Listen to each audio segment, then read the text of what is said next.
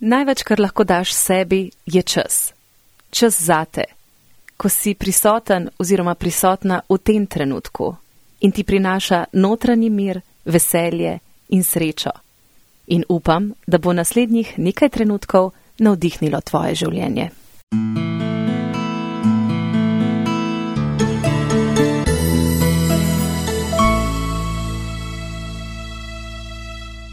Moj prvi izvenradijski intervju je nekaj posebnega. Tako sem si ga zaželela in tako ga imam. Uh, predvsem lokacija je zelo zanimiva, kot drugo je pa gost, ki je moj bivši sodelavec na radiju, predvsem pa eden boljših prijateljev, kar jih imam, Denis Malačič. Ja, um, najlepša hvala za to lepo napoved. Dobro večer, dobro dan, dobro jutro, karkoli v katerem koli dnevu. Uh, delu dneva gledate.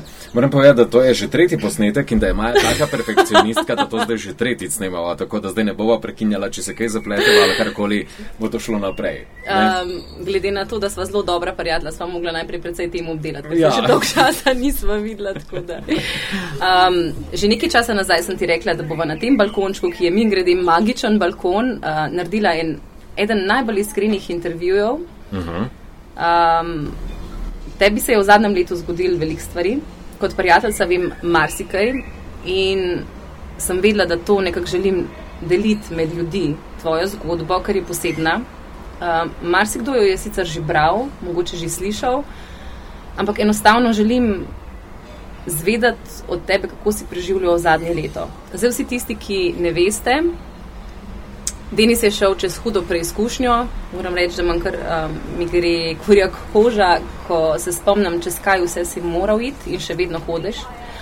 Um, 9.6. oziroma 6.9. 6. september je bil zate zelo poseben dan, to je bilo lani. Jaz se ga zelo dobro spomnim, ker smo ga preživela skupaj, vsaj jutro. Mm -hmm. Vse ostalo je pa ena velika zgodba, ki upam, da bo dala marsikomu izmed vas misliti. Kaj se je zgodilo? Skratka, 6. september bom um, povedal, pač, kar, kako je bilo v realnosti. Um, recimo, da sem bil mesec prej pač na dopustu. Prvič v življenju sem vem, imel občutek, da moram sam iti na dopust. Prvič sem si želel, da grem dejansko sam. Mislil sem, da pač res rabim ta čas zase.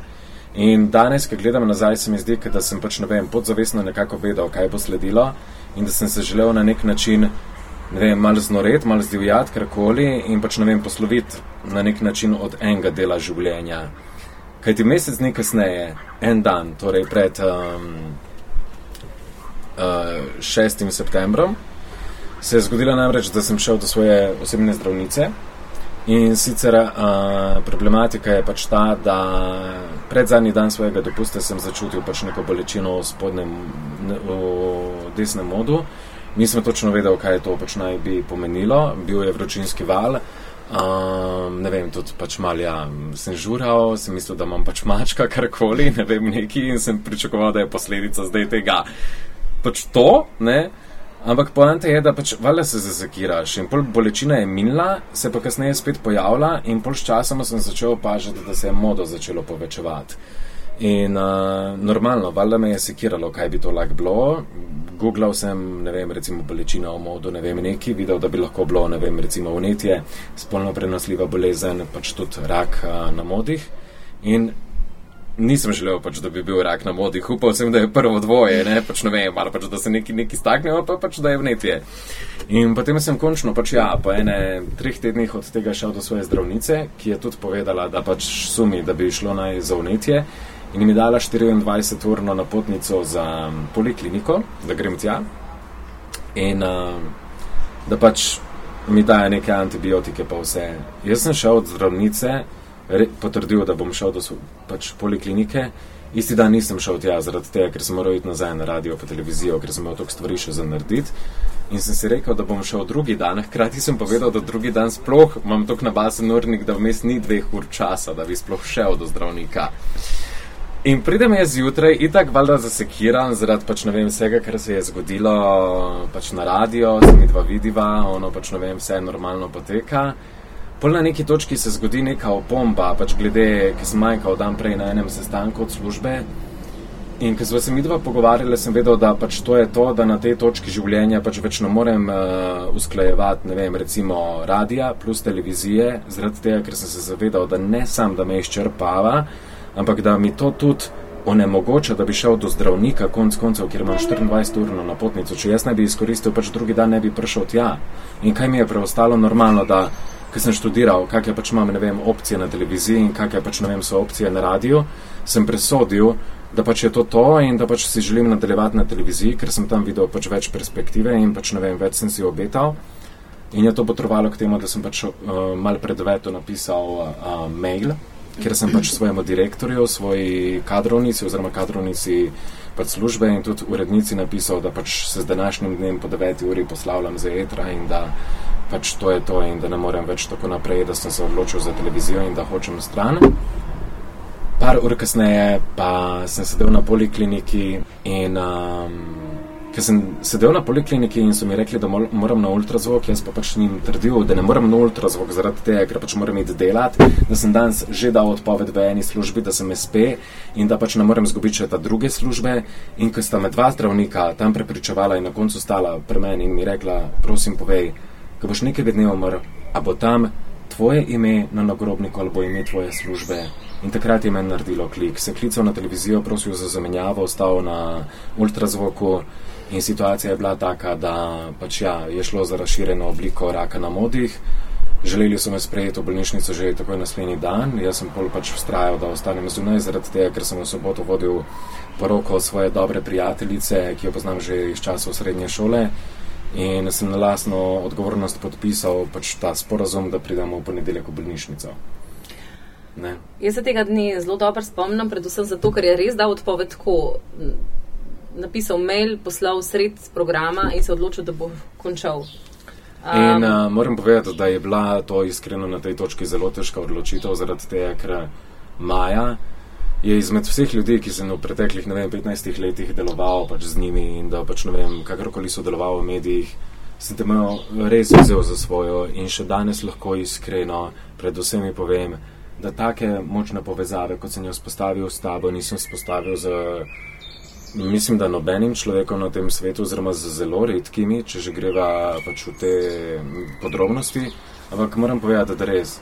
Ful mi je bilo lepo delati s tabo in uh, ful sem vesel, da si danes tukaj in da snemava tole zaradi tega, ker se mi zdi, da je pač res iskreno in iz srca narejeno. In uh, vse, kar se je zgodilo, tudi to, da danes ni več sodelavca, je pač z nekim namenom. In moram ti povedati, da mi je bilo tisti dan res iskreno hudo. Ne, predvsem, ne predvsem, ampak samo zaradi tebe. Ampak odhajal sem z upanjem oziroma z tem, da sem verjel v to, da se nekega dne bodo najne poti spet prekrižale. No in so se. In moja največja želja je, da to zgodbo delim med ljudi, ker verjamem, da marsikdo se ukvarja z istimi težavami, z istimi vprašanji, z istimi tegobami in je nekako bupal v življenju in si rekel, ok, pač če mi je to namenjen, imam raka. Mene pa zanima, kako si ti zdaj, ko gledaš na svojo bolezen, Jaz verjamem, da kemoterapije in vse, čez kar si šel, šel si čez, čez operacije, pa mogoče ne bi šla v res podrobnosti, kaj vse si dal čez, ampak za tabo je dolga pot zdravljenja, bolniške, kar pomeni, da si bil med štirimi stenami, nisi bil sposoben ne delati. Marsikdo verjetno ti tudi ne bi namenil delovnega mesta v stanju, kakršnem si bil in čez to ljudi grejo. Problem je, ker je veliko ljudi takih, ki mhm. -huh. gredo skozi raka. Ali misliš, da ti je to v življenju namenjeno? Ja, mi je bilo namenjeno, definitivno. Danes gledam na to uh, s hvaležnostjo. Tega, hvaležen da, si, da si prebolel raka. Ja, hvaležen sem, da sem prebolel raka in hvaležen sem za to izkušnjo, ki sem jo predstavil. Zakaj? Zaradi tega, ker vem, da tudi um, zaradi teh najslabših trenutkov, ono najtežjih dni, Ker iskreno povem, da vedno sem imel voljo do življenja, vedno sem želel življenje zajemati z veliko žlico, ono, da bi pač nekega dne, ko bom star, nekomu, ne vem, svojim vnukom oziroma komorkoli pač lahko povedal, kaj vse sem doživel, kaj vse je bilo, ono, ne vem. Ne potrebujem dosti, mislim, za dosti mi je že sem, da pač grem nekam in da pač nekaj doživim, ne? Da lahko rečem, kaj vse je bilo v tem življenju. Se pravi, da ni samo ono, služba dom, služba dom, ne vem, neki, ampak da imaš še nekaj zapovedati, da nekaj doživeti, ne? In, um, s to diagnozo, ki se mi je zgodila, lahko rečem, da sem dobil uh, končno ta pravo sliko, kaj je v življenju zares pomembno. Ampak ljudje ne gledajo tako na bolezen. Večina ljudi gleda na bolezen kot v smislu, zgodil se mi je nekaj groznega, to sem ponavadi celo podedoval in mi je mhm. to namenjeno. Zakaj ljudje ne spremejo morda to kot neka wake-up call, nek uh, zvon, alarm, da morajo svoje življenje spremeniti, ker ti si v bistvu naredil tako? To je bil tvoj recept. Ja, tudi moram povedati, da spet se ni spremenilo toliko, bolj se je spremenila moja miselnost. Ne? Miselnost in tudi pač ne vem, kakšne dejanja, ki jih posledično pač ne vem, zdaj na podlagi te miselnosti naredim drugače, kot sem jih recimo prej. Ampak uh, največji problem, ki se zgodi pri človeku, ki ga zadane, da recimo diagnoza kot je rak, je ta, da se sprašuje, zakaj se mi je to zgodilo. Se pravi, iščeš tisoč in en razlog iz preteklosti, ki bi lahko botroval k temu, da se ti je to zgodilo.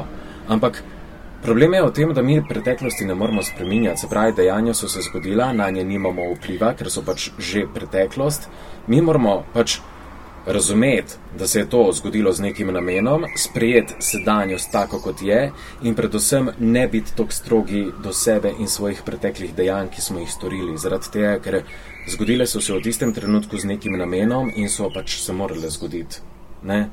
In naš največji problem je, da vedno brskamo, kaj bi lahko naredili, zakaj bi lahko bili boljši, kje bi lahko kaj spremenil sam sebe, ampak ne, ne moreš spremeniti sebe v preteklosti, spremeniš lahko sebe v sedanjosti. In ko boš ti razumel svoje dejanje v tem trenutku tukaj, in ko boš toliko bolj pomirjen v sebi, ker se boš zavedal, da vse, kar počneš, počneš z zavestjo, da je prav, da to počneš, veš, da v prihodnosti se ne boš ukvarjal s tem, ne vem, recimo v primeru, da se mi ponovi, pač karkoli bom vedel, da imam mirno vest, da ni zaradi mojih dejanj, ampak da se je pač ne vem, moralo zgoditi še enkrat, da me pač nečesa nauči.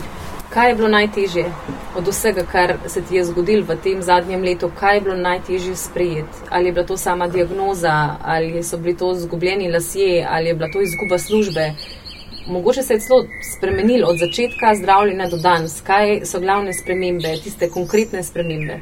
Recimo, Um, ful zanimivo. Um, še danes, kar vem, da me je najbolj prizadelo, če gledamo na celoto, ne glede na to, da me je parkrat potrlo in da sem padel na tla. Ne?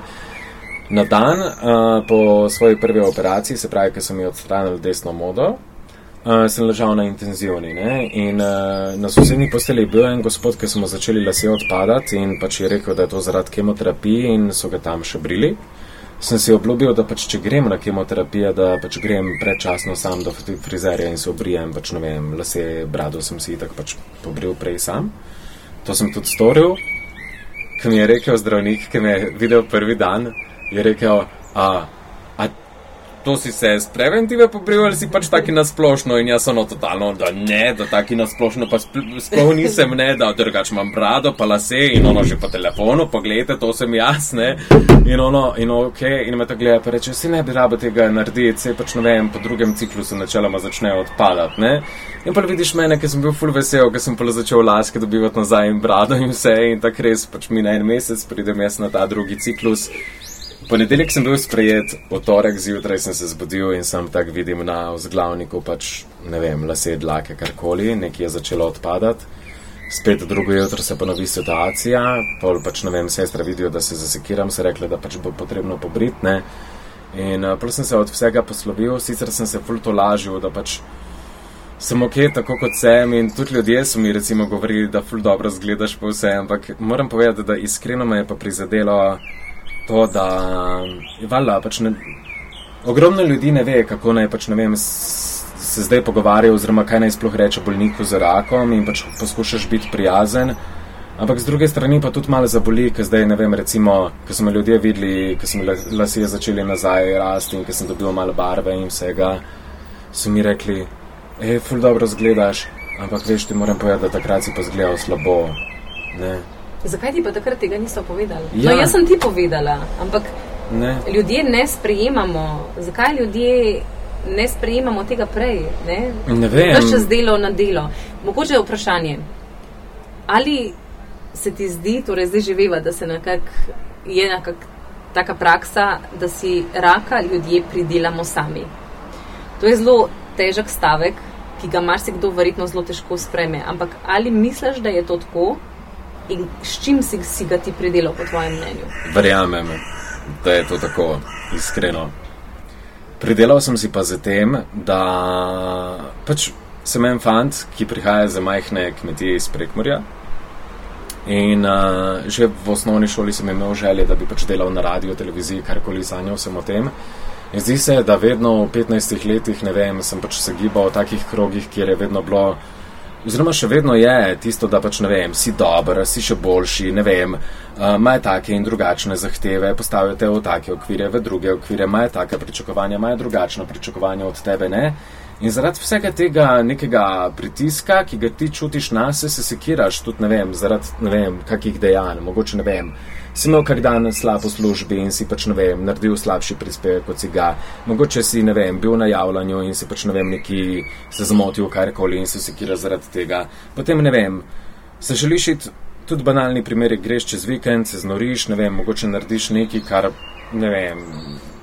Ne bi bilo potrebno, in se potem sekiraš spet zaradi tega. Ne? Se skregaš z nekom, se sekiraš zaradi tega. Pač vedno je to neko sekiranje prisotno. In vedno se obremenjuješ s tem, kaj bodo vem, drugi ljudje rekli, kaj bodo drugi ljudje mislili, vedno poskušaš biti prijazen do vseh. Pol se ti zlahka zgodi, sploh, ker si enkrat medijsko izpostavljen to, da kdorkoli, ki bo imel pet minut časa, oziroma niti ne rabi pet minut časa, dovolj je pač ne vem, 10-15 sekund, bo zlil svoje gnev na te, sam zato, da pač se ima zbruhati, zlajati nad nekom. In jaz pač kot nekdo, nek človek, ki je odraščal pač med, ne vem, kravcami, travcami, bla, bla, bla, sem normalno pač čustveno bitje in me, ful so me prizadele stvari in uh, ful sem se sekiral zaradi tega, kaj si bodo ljudje o meni mislili, ne vem, kaj je prav, kaj ni. Ampak v bistvu, lih z diagnozo sem prišel do točke, ker razumem, kaj je pač najbolj pomembno v življenju in to je najbolj pomembno to, da imam rad sam sebe in da spremem sam sebe takega, kot sem, in, da, sem za, in da, da se zavedam, da za svojo srečo ni odgovoren noben drug, ampak kvečemo sam. To. Ne? In če se mi ta diagnoza ne bi zgodila, verjetno ne bi prišel do te točke. Se pravi, zdaj sem na točki, ki dosti bolj, ne vem, stojim za svojimi dejanji, vem, da pač taki kot sem, da ljudje, ki me bodo imeli radi, me bodo sprejeli takega, ne vem, z vsemi plusi, z vsemi minusi, ki pač ne vem, so v očeh nekoga drugega, ampak to, kar je zate minus, ne rabi biti zate minus, ne, ne sicer med nama, ki veva, da zva pač na isti valovni, ampak načeloma ne kako so ljudje sprejemali, kako so tvoji najbližji sprejeli, kaj mogoče informacije za tiste, ki pa so dnevno v stiku z ali je to njihov bližnji prijatelj, sorodnik, ki ima raka, ki se spopada vsakodnevno s temi težavami. Vendar ne moreš priti do človeka in reči: Poslušaj, ti si sam kriv za to, da imaš raka. Tako pač ne gre. Vsak človek mora to sam pri sebi dojeti. Na kakšen način, če ti gledaš zdaj z vidika bolnika, kaj tebi največ pomeni, kaj ti je največ pomagalo, kar se tiče ljudi, ki so ti poskušali pomagati in prideti do tebe in svetovati. Kaj takrat bolniku, kaj bolnik najbolj rabi? Vprašanje, na katerega je res težko odgovoriti, iskreno. Ker, ker vsi bi radi pomagali. Ja, dejstvo, ja. Vsi bi radi pomagali, kaj rabiš, um, to lažilne besede, vse bo vse v redu, um, verjamemo vate. Jaz sem najprej pomislila, Denis, to je wake up call zdaj ali pa nikoli. To je tisti najnižji. Najnižja točka, stopnička, kamor prideš, in od tukaj naprej gre lahko samo še gor ali navzdol. Tukaj se moraš prebuditi. Uh mhm. -huh. Recimo, to, to je nekako moja, mogoče ne najbolj primerna uh, reakcija, ampak ko nekomu hočeš pomagati, ker če mu rečeš, da bo vse ok, te verjeta ni potolažil to.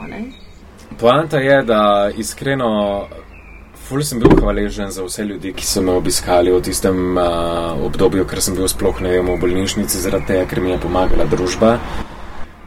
Všeč mi je, da so moji ljudje, ki so bili blizu, se pravi prijatelji, niso na me gledali ono, ne vem, kot pač bogi, revež, da si tle na kemoterapijah, ampak smo bili tako, da smo pač, ne vem, recimo na kavi in smo se pogovarjali, smo se zabavali, vse to.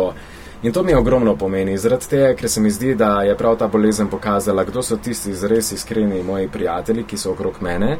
Nekateri med njimi, recimo, se mi še danes niso oglasili, da bi mi karkoli pač, vem, napisali, sporočili, ne vem, neki. Medtem, ko moram pa tudi povedati, da se je javilo ogromno ljudi, ki so bili del mojega življenja v preteklosti, ki smo mogoče izgubili stike in so se potem spet po zaslugi tega oglasili, tudi me prišli pogledat. In ful sem hvaležen tudi eh, za nove ljudi, ki so se pojavili v mojem lifeu. In hkrati hvaležen za vso izjemno podporo, ki ste mi jo dali vsi posamezniki preko socialnih omrežij, zaradi tega, ker iskreno, jaz sem ene tiste vrste človek, ki um, danes že, da pač povem iskreno stvari, tako kot si mislim, ampak če gledam sebe nazaj v preteklosti, ne bi upal tako javno oziroma tako iskreno pač ne vem povedati neki stvari. In mi je bilo sploh v času bolezni ki se ukvarja z nekimi drugimi vprašanji, ki si v nekem drugem času, ki nisi ujet v ta vsak dan, ne vem, moram na delo, moram domov, ne vem, neki, ki ti čas drugače teče, si postavljaš drugačno vprašanje. In ful sem vesel, da sem odkril, da lahko preko nekih zapisov, preki, preko tega, kar sem pač ne vem, objavljal, dajo in sporočal preko bolezni, dajo to iz sebe, kar sem takrat v tistem trenutku čutil. In se mi zdi, da sem dal ogromno, ne samo tistim ljudem, ki predstavljajo enako diagnozo, oziroma pač. Uh, ne vem, v podobnih uh, situacijah. situacijah ja. Ampak tudi ljudem, recimo, ki ste povsem zdravi. Ne? Zaradi tega, ker pač človek, ki enkrat zboli, ki ne ve, kaj se bo zgodilo, uh, dobi res drugačno percepcijo glede življenja in glede vsega. S kakšnimi vprašanji si potem se soočal med štirimi stenami? Kaj, kaj je bilo tisto, kar, kar ljudje ne bi bili sami s sabo, zato da pridemo do ključnih odgovorov, ki si jih človek zastavlja, ker si jih nima časa zastavljati, služba, otroci, um, druge obveznosti. Človek ni več sam sabo. Ko rečeš, bodi sam sabo, je to nekaj klišejsko. Kaj je to biti sam sabo? In ko je človek bolan in je med štirimi stenami, si sam sabo, iskreno, nimaš nikogar drugega, razen tistih, ki ti skušajo pomagati, ampak takrat si prvič, jaz pravim, imaš možnost obrniti si v gledalo in si pogledati, kdo res si. Ja. In to bi morali ljudje narediti, preden zbolijo. Ja. Kaj si, si ti takrat, ko si obrnil gledalo, koga si videl? Vedno sem imel v sebi, pač ne vem, in ta. Oziroma, še vedno mislim, eh, da sem eno tako čisto prenežno, prečustveno bitje za ta svet, ki mogoče je res preveč, ne vem, sentimentalno. Tako, sentimentalen. Uh, ampak z druge strani, iskreno pa sem vesel, da sem tak, zaradi tega, ker se mi zdi, da imam res en tak lep pogled na življenje, za katerega sem fulh hvaležen. In raje vidim, da sem pač, ne vem, taka jokica z ene strani, pa da bi bil, ne vem, neki robot brez, brez čustev, ki bi pač, ne vem, kot megla brezel čez vsak dan ali karkoli. In uh, ker si enkrat sam sabo, jaz nikoli nisem vedel biti sam sabo, jaz sem vedno potreboval neko družbo, ne vem, popoldan, ko sem končal službo sem moral iti na pijačo, na dogodke, sem da bi bil v nekem središču pozornosti, sem da bi se mi nekaj dogajalo, pa vse iskreno. Uh, ker sem padel pač ne vem, v bolnišnico in kar ne nadoma ni bilo tega vsakodnevnega vrveža, ker sem vsak tretji teden se vračal na onkološkega, ker sem ne vem, zjutraj prišel tja, ob osmih dal kri, pol dve uri moral čakati, da sem sploh šel na oddelek, da so mi povedali, ali je kri v redu, ali mi bodo dali nov ciklus kemoterapije ali ne. Recimo v teh dveh urah sem bil sam. In ono, kaj si ti pre, predstavljate, si, kaj si plete človeku, ki vem, sedi na onkološkem krvne nadoma, dal je kri in zdaj čaka dve uri, da sploh pride na oddelek, kjer ve, da bo preživel od ponedeljka do petka, kjer mu bodo konstantno užilo tekle noter kemoterapije. In takrat, uh, ko se ti to zgodi, predelaš tisoč in eno stvar in vem, ne vem, jokal sem, ne vem, hodil v kloblanci, poslušal musko se spraševal, zakaj, kako, kje, kak, ne vem, neki.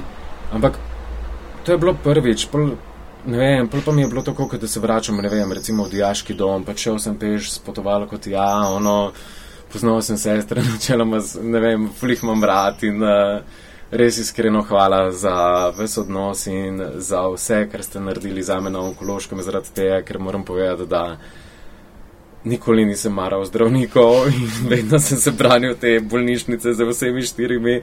Ampak uh, nekaj tako lepega, kot pač je dalo to osebje za me, oziroma meni, uh, dajo le redki in uh, prav po njihovi zaslugi je šlo vse doslažje čez ne, in tudi po zaslugi uh, Fajn Simrov in fajn ljudi. In pač, uh, vesel sem, da sem uspel ostajati v tem neki pozitivni, ne vem, nad gladino, če tako mm -hmm. rečeva. Um, zaradi tega, ker pač ja, ene trikrat sem padel res konkretno na dno, ker sem se spraševal, zakaj sploh vstati zjutraj, ne vem, totalno zgubil voljo do življenja. In ful mi je žal, da sem do tega prišel, zaradi tega, ker vem, da sem vedno stremel k temu, da pač imam rad življenje in da želim nekaj doživeti, da želim videti stvari. In uh, če nekdo taki, ki ima toliko enega elana, toliko ene energije, toliko nečesa, pade tako nizko, kako more biti potem šele tistim ljudem, ki nimajo, ne vem, recimo ene take hvaležnosti že z tega vidika do življenja. Ne? In uh, je težko, definitivno ni lahko, ampak fulje odvisno od mis miselnosti. Um, vsaka slaba stvar prenese nekaj dobrega. To je pač moj moto in jaz verjamem, da vsaka stvar slaba, če bi jo ljudje poskušali gledati na drugačen način, z drugega zornega kota, bi ugotovili, da vsaka slaba stvar prenese fuleni dobrih stvari. Mi je uh -huh. sam ne znamo tako pogledati. Tvoja slaba stvar oziroma tvoja bolezen ti je prinesla nov pogled na življenje. Um, mogoče mi boš potem še odgovoril, kako zdaj izgleda tvoj dan v primerjavi z včasih. Ampak tvoja diagnoza, preboljen rak, je prinesel tudi idejo o novi knjigi, o tvoji prvi knjigi, uh mhm. -huh. o kateri si že marsikaj povedal, napisal. In tudi to se verjetno ne bi čez zgodil, če ne bi prišlo do. To je ponovadi, kar rečeš, veš, ko pogledaš nazaj. Če ne bi se to zgodil, tega ne bi bilo. Ja. Moram povedati pač kot prvo, da, ja, da pač govori se o tej knjigi. Tudi sam sem povedal, da pač ja, jo pišem in da jo želim izdati. Ampak želim na tej točki povedati, da ne pričakovati, da bo to pač ne vem, običajna knjiga o tem, kako joj se je človek zdaj spopadel z diagnozo raka in pač ne vem, da bom pisal samo o tem, ker ne bo samo o tem, uh mhm, -huh, ker bo mhm. dejansko skupaj z diagnozo je prišlo moj čist drugačen pogled na life, pogled na življenje, pogled na tiste stvari, ki so zares pomembne. Temu se lahko zahvalim, uh, po mojem mnenju tudi izkušnji z ayahuasco, gre za indijansko pijačo duhovnega razkritja, ker je sprava, se pravi, prideš na obred, ker um, zameš, uh, spiješ en čaj, ki je sestavljen iz uh, korenin določenih dreves. Uh mhm. -huh. In uh, poanta je, da to spiješ in potem haluciniraš, tudi lahko rečeva. Predeluješ življenje, pač ne vem, postavljaš si mogoče kakšna vprašanja, zakaj je kako. In uh, se mi zdi, da me je ta izkušnja postavila, oziroma da, da mogoče v tistem trenutku nisem vedel, kaj mi je dala, ampak vem, kaj mi je dala danes na tej točki in sem fulh hvaležen, da sem šel čez to in želim povedati, da se zavedam, da je življenje toliko več od tega, kaj mi vidimo, če se se zavedamo in ukvarjamo se s tok banalnimi, bizarnimi, bednimi stvarmi, vsakodnevnimi in to sploh ni point. Point je čist nekje drugje. Ne? Preveč smo o tem, v vsakodnevnih težavah, o tem, joj, ali mi bo uspelo, ne vem, biti konc ob petih, ali mi bo uspelo biti konc ob sedmih, kaj bo to povzročilo v nadaljevanju večera. Zaradi tega, ker je vse tako, kot je, prav vsak trenutek. In ker enkrat to sprejmeš pri sebi, ker vem, si preprosto hvaležen, da tudi če danes ni sonce, da je pač ne vem, malo rosilo ali karkoli pač ne vem. Kakšen je tvoj današnji dan? Tvoj dan v primerjavi s tvojim dnem eno leto nazaj. Zdaj bom povedal nekaj najbolj iskrenega, kar pač verjetno nisem nikomor povedal. Poenta je, da um, če gledamo recimo eno leto nazaj, ne, jaz sem takrat delal na radiju, na televiziji, ful sem bil vesel, da sem se vrnil na televizijo, ful se mi je dogajalo, po cele dneve sem bil na okrog, spal sem po pet ur, ampak ni me motilo zaradi tega, ker meni je vse, ne vem, karkoli se je dogajalo, mi je bilo všeč, vse posod sem želel biti ono, ful, ne vem, nekega dogajanja in posledično sem tudi mislil, da sem jaz srečen, ampak iskreno nisem bil srečen. Jaz sem pač ne vem, ja, delal po cele dneve in ne vem, se mi zdi, da živel neko ono happy life, ampak danes, ko pogledam nazaj, ne. In enkrat se mi je zgodil primer, ko sem se vozil in uh, sem bil v avtu in študiram, da se mi zdi, da mi nekaj manjka v življenju, nekaj, kar bi moral dati čez, da bi bolj razumel, zakaj, kje, kako, nekaj, zaradi česa bi ljudje me lahko bolj začutili in da bi me lahko začeli, ne vem, imati tako, kot si sam želim, da me jemljajo, se pravi, da bi jim lahko dal nekaj od sebe. In iskreno, ko se spomnim v glavi, je bila ena izmed teh nekih misli, idej, tudi da bi mogoče, ne vem, se morala zgoditi neka taka diagnoza, pač ne vem, neki. Ampak potem se je pa lihko zgodilo. Ne? In uh, danes, ko pogledam nazaj, moram povedati, da se je, če gledam sebe lani in če gledam sebe letos, je to proti ena, oziroma pa če je čist neka druga sprememba. Zaradi tega, ker načeloma delam še vedno v stresnem okolju. Se pravi, ker so ljudje zvedeli, da se želim vrniti v medije, je bilo ono tako, so mi rekli, potem pa že nisi predelal vseh stvari, ki jih imaš za predelati v življenju. -hmm. Ampak z druge strani pomisliš, 15 let sem se trudil za to, da bi mi nekaj uspelo, da bi nekaj dosegel, da bi mi nekaj ratalo. In zdaj, da bi na tej točki opustil vse, sam zaradi tega, ker sem pač ne vem, mogoče verjetno tudi zaradi vsega stresa, ki ga je pač povzročilo delo, delovno okolje, v katerem sem bil, da bi zdaj zaradi tega pustil nekaj, kjer sem tako dolgo časa gradil. Do zadnjega sem se sekiral, ali je to v redu, da grem ali ne, ampak imel sem zaupanje v sebe, da je to pravi korak, ki ga moramo narediti. In zdaj sem nazaj slab mesec, ker delam. In moram povedati, da sem full hvaležen, da uspem ostajati v tem svojem uh, bablu, lahko rečemo, se pravi v mehurčku ker ne pustim, da bi me karkoli vrglo iz tira, zaradi tega, ker se zavedam, da pač na koncu dneva bo vse tako, kot mora biti. Ne? In to je poglavitna razlika od prej, česar nisem imel. Se pravi, prej, če je nekdo prišel do mene, ne vem, in rekel, čez eno uro greš ti tja pa tja in se boš v živo oglašal, ne vem, od tam bi od mene bilo ono, o, čez bi me oblilo, pa bi se sekiral, pa bi ne vem, kaj bo, kaj je, če ne, ne vem, ono, tisoč in ena stvar, skratka, celo paniko bi naredil prej, eh, prej. Danes pa enostavno vem, ok, bo že tako, kot mora biti. In to, to je tisto. Da imam ta mir v sebi, da imam to, da se, da se zavedam, da ne rabim sebe dajati v stres, zakaj bi se dajal. Vse je tle noter, noben drug me ne more ne vem, spraviti v stres kot sam sebe. Se pravi, če bom jaz laganin je ostal pač, vem, na tej meji ne vem, nečesa, da se čuvaš, potem vem, da pač ne bom padal v stres. To sem želel povedati. Um, mogoče bi rada, da zdaj daš sporočilo ljudem, tistim, morda si predstavljaj nekoga, ki je zdaj doma, se bori. Ali je to z boleznijo, ali je to depresija, ne vidi več izhoda iz svojega življenja, zakaj bi sploh še živel, um, ali je vredno, zakaj bi dal v svoj čas in energijo iz vse, vse v bistvu je nimam, sem na dnu. Kaj bi sporočil vsem tistim, ki se borijo z diagnozo raka v tem trenutku? You know? Joj. Se pravičujem za nasmeh, pač smejem se zaradi tega, ker je to zares zakomplicirano, zakomplicirano vprašanje in pač ne vem. Ampak, če bi bil čisti iskren in če bi pač povedal vse, kar si želim povedati, bi lahko govoril ure in ure, ampak tega normalno pač ne bom naredil. Ja, bom naredil kratek povzetek, ampak poglavitno, kaj se mi zdi pač fajn povedati, je to, da ker sem bil na točki, kjer sem se zavedal, da pač se lahko moje življenje mogoče konča čez nekaj mesecev, mi je šlo sem po glavi to, da tukaj je fant, ki si želi živeti, ki želi pač ne vem ki hoče verjeti, da tole, kar je doživel in kar pač je za njim, ni vse in da je življenje še nekaj več. In ker sem pomislil, koliko ljudi si recimo vzame življenje zaradi tega, ker ne vidijo več upanja ali pa pač ne vem, obupa ali pa pač hoče se kakorkoli tako predati, ker pač ne vem. To manjka, ono manjka, ne vem, tretja stvar manjka, skratka, tisoč stvari manjka, oziroma vidite tisoč enih uh, problemov, ki pač naj bi jih imeli, oziroma jih imate. Poanta je, da ti problemi se ne bodo odpravili sami od sebe. Ne? Normalno lahko jamraš danes, oziroma pač ne vem, se pritožuješ, kako je slaba, slaba situacija. Res je lahko slaba, ja, mogoče je diagnoza taka, mogoče zdravniki ne verjamejo, ampak kdo pa pravi, da ne bi smeli verjeti vi.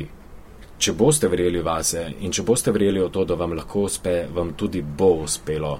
In to je tisto poglavitno.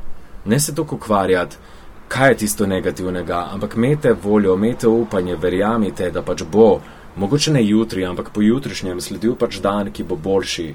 In ko boš ti enkrat začel stremeti v tej smeri, da boš prijaznejši do sebe.